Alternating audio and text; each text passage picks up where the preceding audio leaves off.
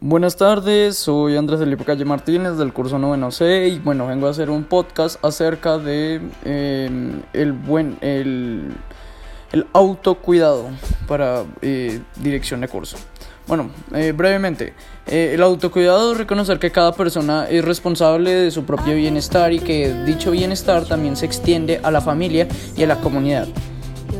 Em, Podemos encontrar cuatro tipos de autocuidado. El autocuidado físico, eh, que se trata de eh, atender a nuestro cuerpo, tanto es, pues, de salud, etc.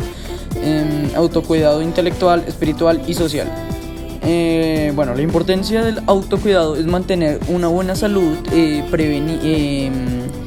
em, prevenirla y reconocer tempranamente la enfermedad, participar activamente en tu recuperación integral de la salud y bueno, el autocuidado requiere de las personas asuman la responsabilidad en el cuidado de su salud y las consecuencias eh, de las acciones que realizan.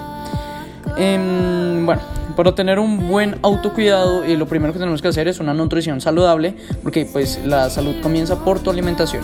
Eh, actividad física, mantener, mantenerte activo, pues em, mejora tu autocuidado tu manejo de emociones, ya que una mente sana es un cuerpo sano.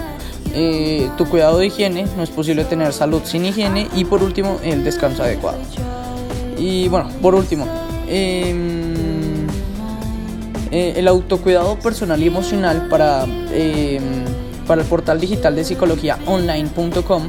Eh, el autocuidado emocional es un conjunto de técnicas y actividades que aplica en una persona para lograr su, su estabilidad física y, el bienestar eh, mental.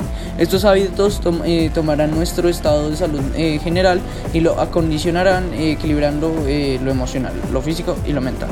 Muchas gracias, esto fue todo por hoy y ya.